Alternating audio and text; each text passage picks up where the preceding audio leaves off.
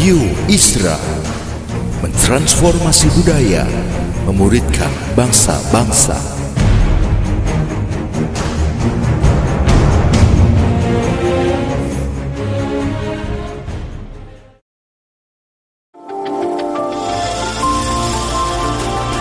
Voice of Pradaim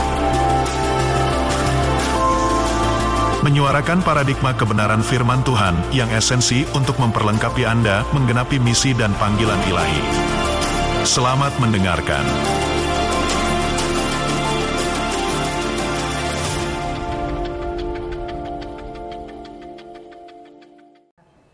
Shalom. Pada kesempatan ini saudara, saya ingin uh, kembali uh, membagikan kebenaran ini kepada saudara dan khususnya kita akan memperdalam poin yang pertama aja. Nah, saudara, karena itu saya mau saudaraku mengajak saudara mengulang sejenak ya, apa itu ciri-ciri gereja zaman akhir.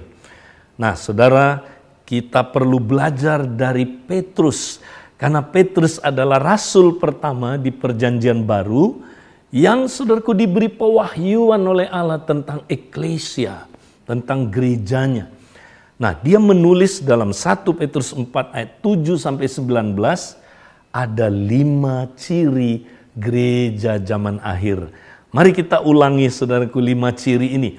Yang pertama, ya gereja zaman akhir adalah gereja yang berdoa senantiasa. Artinya saudara, mereka berdoa bukan sekedar program saja, ya tapi mereka hidupnya suka berdoa dan berdoanya senantiasa. Ya, saudara bisa lihat ini di dalam 1 Tesalonika pasal 5 ayat 17. Sementara kita menantikan kedatangan Tuhan, nanti murka Allah akan dicurahkan. Tapi Tuhan berjanji orang-orang pilihannya tidak akan terkena murka Allah. Tapi gereja bagaimanakah yang akan diselamatkan dari murka Allah?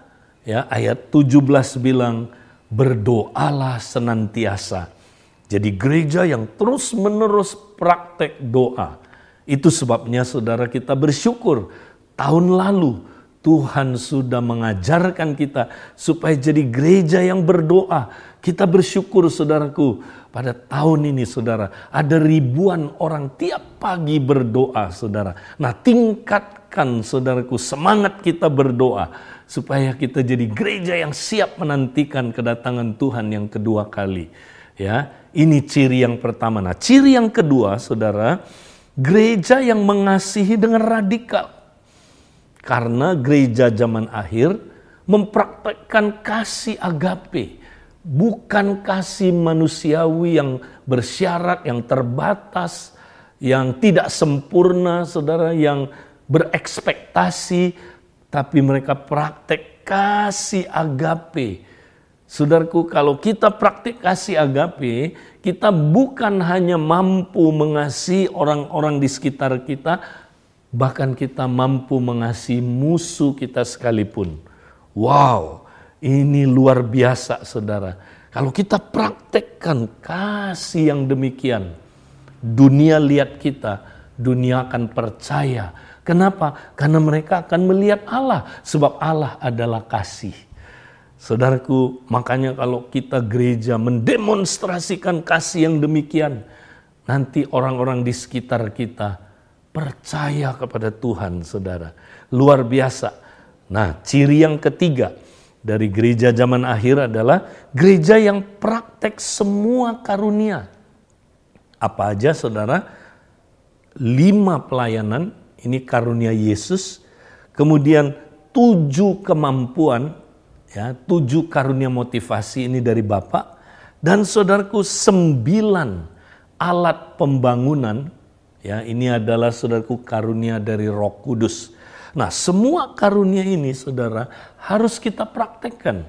Barulah tubuh Kristus dapat dibangun menjadi dewasa Nah, masa kini saudara ada banyak gereja yang mengecilkan peranan karunia. Mereka berkata demikian, karunia itu nggak penting, yang penting karakter. Ya, yang penting kasih katanya. Nah, ingat saudara, memang kalau karunia dilakukan tanpa kasih, ya itu tidak membangun. Karunia yang demikian sia-sia, saudara. Ya, tetapi saudaraku, kalau karunia didorong oleh kasih, dia akan membangun. Nah, dengan kita membangun tubuh, saudara, yang dimotivasi oleh kasih, maka tubuh akan bertumbuh dewasa sehingga menghasilkan karakter Kristus. Jadi tanpa menggunakan karunia dengan penuh kasih, kita nggak bisa mencapai karakter Kristus. Jadi jangan meniadakan karunia, saudara. Praktekkan semua karunia dengan benar, dengan motivasi kasih. Maka tubuh Kristus akan terbangun, sehingga ketika tubuh Kristus terbangun, saudara, kita semua ikut bertumbuh dewasa mencapai karakter Kristus. Haleluya, saudara semangat praktekkan ini saudara. Nah, ciri berikutnya, ciri yang keempat dari gereja zaman akhir adalah gereja yang rela menderita, saudara. Ya. Nah, hari-hari ini saudara, penderitaan telah ditolak oleh orang-orang Kristen. Orang Kristen cenderung menghindari penderitaan. Ya, orang Kristen tidak mau merangkul penderitaan Padahal penderitaan penting sekali saudara. Tanpa penderitaan kita nggak mungkin bertumbuh dewasa dan serupa dengan Kristus. Tanpa penderitaan kita nggak bisa saudaraku mengakhiri perjalanan kita dalam kerajaan Allah dengan baik. Karena Barnabas bilang begini, untuk masuk ke dalam kerajaan Allah kita akan menderita banyak sengsara, saudara. Ya, Filipi 1 Ya, dikatakan demikian saudaraku, karena kita dikaruniakan bukan hanya untuk percaya kepada Dia, melainkan juga untuk menderita bagi Dia. Jadi saudara, penderitaan adalah bagian dari kekristenan yang tidak boleh kita abaikan, kita tolak, apalagi kita hindari saudara. Mari kita merangkul, seperti Paulus berkata, aku bermegah dalam penderitaan. Saudara, ketika kita terima rangkul penderitaan, maka waktu kita ngalamin penderitaan, ya saudara, kita akan bermegah bahkan. Nah, orang yang paling menderita adalah yang mendolak penderitaan itu sendiri, saudara. Itu paling menderita, ya. Sebab itu, saudara, mari kita jadi gereja sejati yang rela menderita. Nah, yang terakhir, saudaraku, ciri yang kelima dari gereja zaman akhir adalah gereja yang rela dimurnikan. Nah, kenapa gereja perlu dimurnikan? Dikatakan penghakiman telah dimulai dari rumah Tuhan. Kenapa, Saudara? Karena saya percaya ya gereja hari-hari ini sudah menerima konsep-konsep ya prinsip-prinsip pola-pola duniawi, Saudara. Ya, kita bangun gereja dengan pola-pola yang demikian. Ya, bahannya adalah rumput kering, jerami, dan apa saudaraku, ya kayu. Nah, ini bahan yang apa saudaraku mudah terbakar. Nah, ingat pada akhir zaman Tuhan akan apa menggoncang segala sesuatu yang dapat digoncangkan. Ya, dibilang begini saudara, karena dia adalah api yang menghanguskan. Nah, saudara, kalau materi kita adalah materi yang tidak tahan uji, dibakar dengan api, akan hangus. Marilah saudaraku, izinkan Tuhan murnikan gereja, supaya gereja bahan yang digunakan adalah saudaraku emas, perak, dan saudaraku batu-batuan permata. Nah ini bahan-bahan yang kalau dibakar saudara, dia tambah murni. Ya. Nah, kalau gereja dibangun dengan prinsip-prinsip yang dari Tuhan, pola-pola yang dari Tuhan, gereja ini akan tahan uji, Saudara. Nah, Saudara, kenapa Tuhan mau murnikan gereja? Supaya kita, Saudaraku, boleh mencapai gereja yang mulia yang Tuhan sedang siapkan, Saudara. Ya, yaitu gereja Wahyu pasal 4 dan 5 Pak Jeff sudah banyak mengajarkan ini. Nanti di waktu-waktu lain kita akan memperdalam apa itu pola gereja akhir zaman, bahkan zaman akhir, saudara, yang akan saudaraku penuh dengan kemuliaan Tuhan. Kita akan belajar ini. Nah, hari ini saudara kita akan memperdalam poin pertama saja. Ya, bagaimana saudaraku kita menjadi gereja yang saudaraku berdoa senantiasa. Gereja yang praktek koram deo selalu. Nah, saya mau bahas dulu saudara, kenapa penting sekali saudaraku kita jadi gereja yang terus menerus hidup di hadiratnya. Praktek koram deo. Nah, saudara, karena demikian saudara, ya saya mau bacakan 1 Petrus 4 ayat 7. Dikatakan demikian, kesudahan segala sesuatu sudah dekat. Karena itu kuasailah dirimu dan jadilah tenang supaya kamu dapat berdoa. Nah, Tuhan melalui Petrus sudah berkata pada zaman akhir Saudara, ya, pada waktu di mana saudaraku era informasi dan era globalisasi seperti hari-hari ini Saudara, dikatakan banyak orang tidak bisa berdoa, saudara. Ya, kenapa tidak dapat berdoa? Karena tidak tenang. Wow. Nah, kata tenang di sini, saudara, ya, adalah saudaraku, ya, artinya waras. Jadi rupanya banyak orang di zaman akhir ini tidak waras, saudara. Ya, nah kenapa tidak waras, saudara? Benar, saudara. Kalau kita lihat hidup manusia hari-hari ini, saudara, kita sedang hidup saudaraku di masa di mana saudaraku ya dunia ini udah nggak wajar saudara, nggak waras. Ya, para ahli jiwa bilang begini saudara, kalau diukur tingkat kesehatan jiwa dari kita semua ini saudara, di zaman akhir ini, kita boleh dikategorikan ya tidak sehat saudara. Artinya kurang waras. Benar saudara. Nah, kenapa Saudara? Karena ya itu era informasi, era globalisasi, Saudara, orang stres. Ya, orang itu Saudaraku sangat-sangat Saudaraku tertekan. Ya, makanya Saudaraku tingkat bunuh diri lebih tinggi lagi, Saudara. Nah, karena itu Saudara, Tuhan berkata supaya kita dapat menjadi tenang, kuasailah diri kita. Nah, artinya apa Saudara?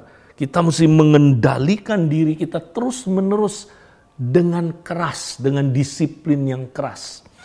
Nah, kita mau lihat saudaraku, kenapa demikian?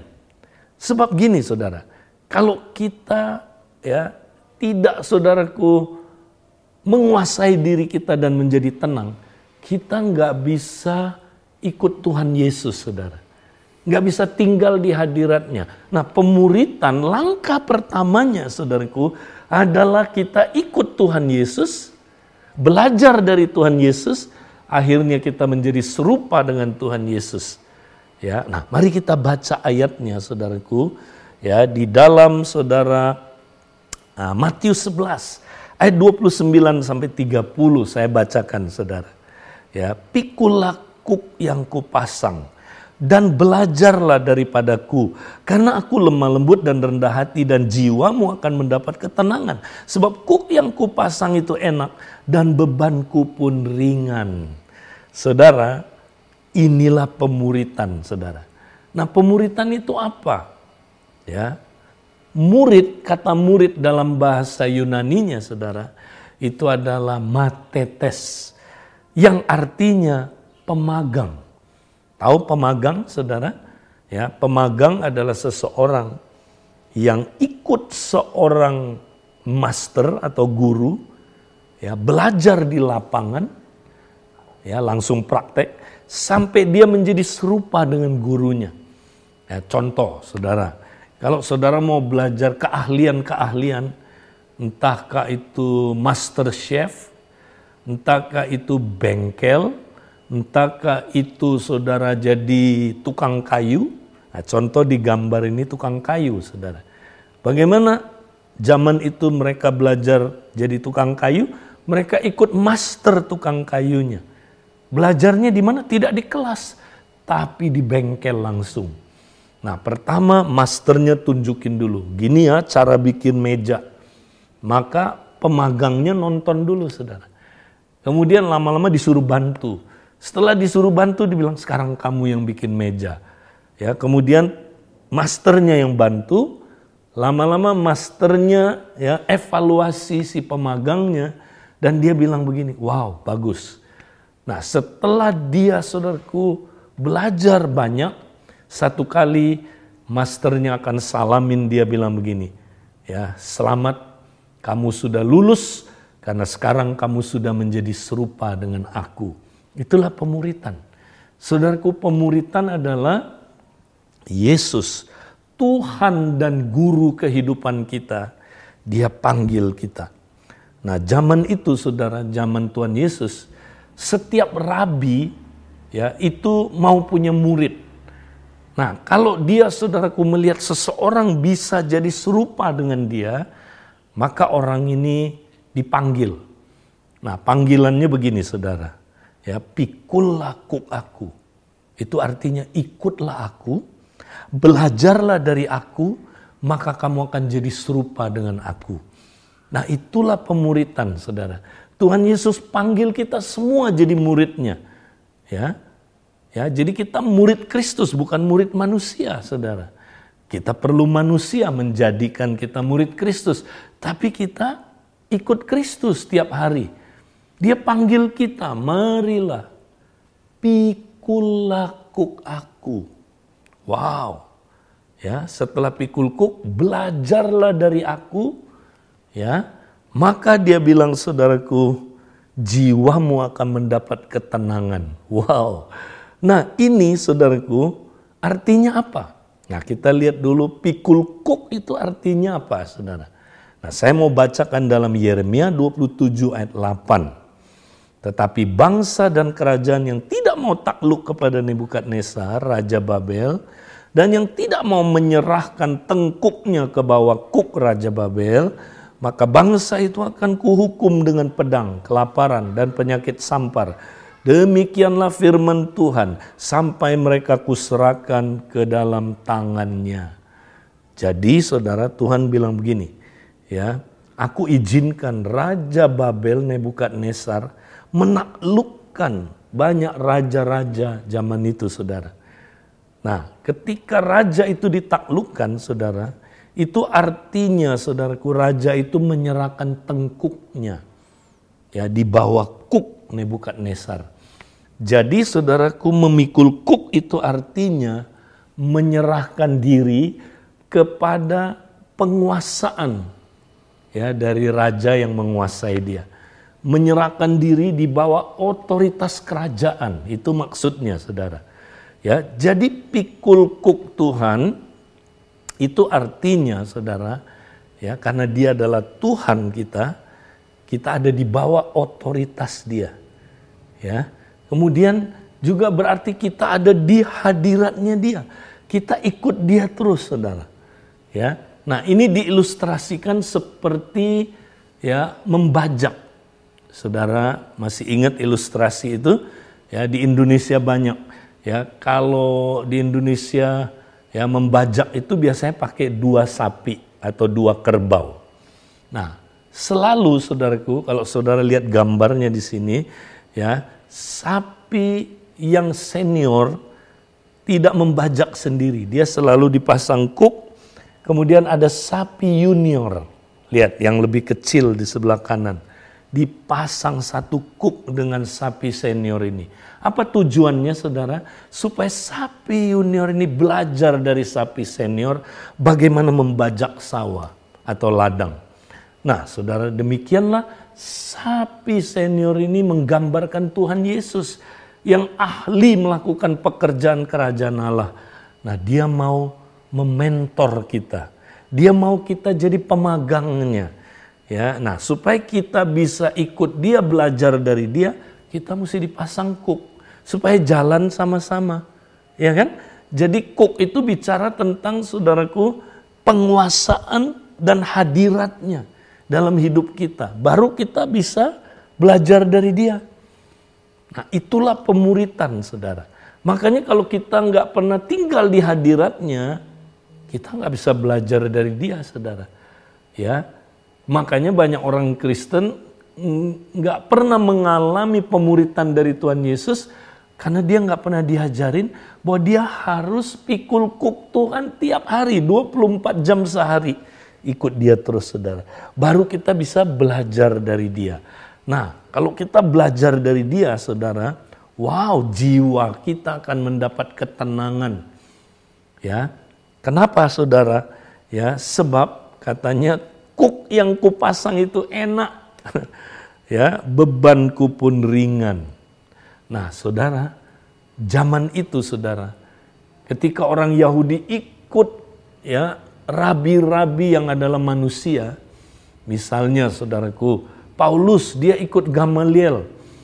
Nah, Gamaliel akan bilang, "Pikulah kuk aku. Belajarlah dari aku, Saulus. Kamu akan serupa dengan aku." Nah, kelihatannya enak. Wih, hebat gengsinya dimuridkan sama Gamaliel. Tapi begitu Saulus pikul kuknya Gamaliel, beratnya setengah mati, saudara. Karena jangankan Saulus, Gamaliel pun nggak bisa mentaati hukum Taurat dan menjadi benar. Stres, saudaraku. Makanya Tuhan mengajak orang yang stres, dia bilang begini, marilah kepadaku kamu yang apa letih lesu dan berbeban berat saudara. Ya aku akan memberikan kelegaan kepadamu. Ya saudara banyak orang nggak bisa pikul kuknya Tuhan karena ada kuk yang lain. Saya nggak tahu kuk apa yang mengikat saudara. Ya mungkin itu saudaraku ya dari dunia ini. Saya nggak tahu saudaraku. Ya tapi setahu saya saudaraku, kuk yang paling banyak menguasai manusia hari-hari era globalisasi dan informatika ini ya saudaraku adalah kuk yang disebut saudaraku kesibukan atau ketergesa-gesaan ya. Carl seorang saudaraku uh, psikolog yang menemukan introvert dan ekstrovert ya hampir sejaman dengan saudaraku Sigmund Freud, dia berkata demikian saudara, ketergesa-gesaan bukanlah dari setan, tapi adalah setan sendiri. Huh, ya saudara, ya dia bilang apa saudara, ya uh, uh, kalau kita saudaraku nggak hati-hati, ya kita dikuasai oleh ketergesa-gesaan dan itu sama dengan setan sendiri menguasai kita. Ya mungkin setan saudaraku menggunakan ketergesa-gesaan untuk saudaraku menghancurkan hidup manusia. Sejak kita kenal smartphone saudara. Ya manusia udah langsung ya saudaraku seluruh apa perhatiannya saudaraku udah ditangkap sama benda kecil ini saudara. Dan ketika kita dikuasai oleh saudaraku ya smartphone ini saudara. Ingat smartphone ya, kita tidak anti teknologinya saudara. Saya suka sebut begini, ya saudara, smartphone itu hamba yang baik, tapi dia tuan yang jahat. Kalau kita jadikan dia hamba, oh bagus. Smartphone itu saudaraku membuat kita bisa ya menembus ruang, ya kita bisa tanpa batas kita bisa doain orang sakit lewat smartphone, pelepasan lewat smartphone, memuridkan orang melampaui batas-batas negara. Ini kan bagus, saudara. Belum pernah terjadi dalam zaman-zaman yang lalu.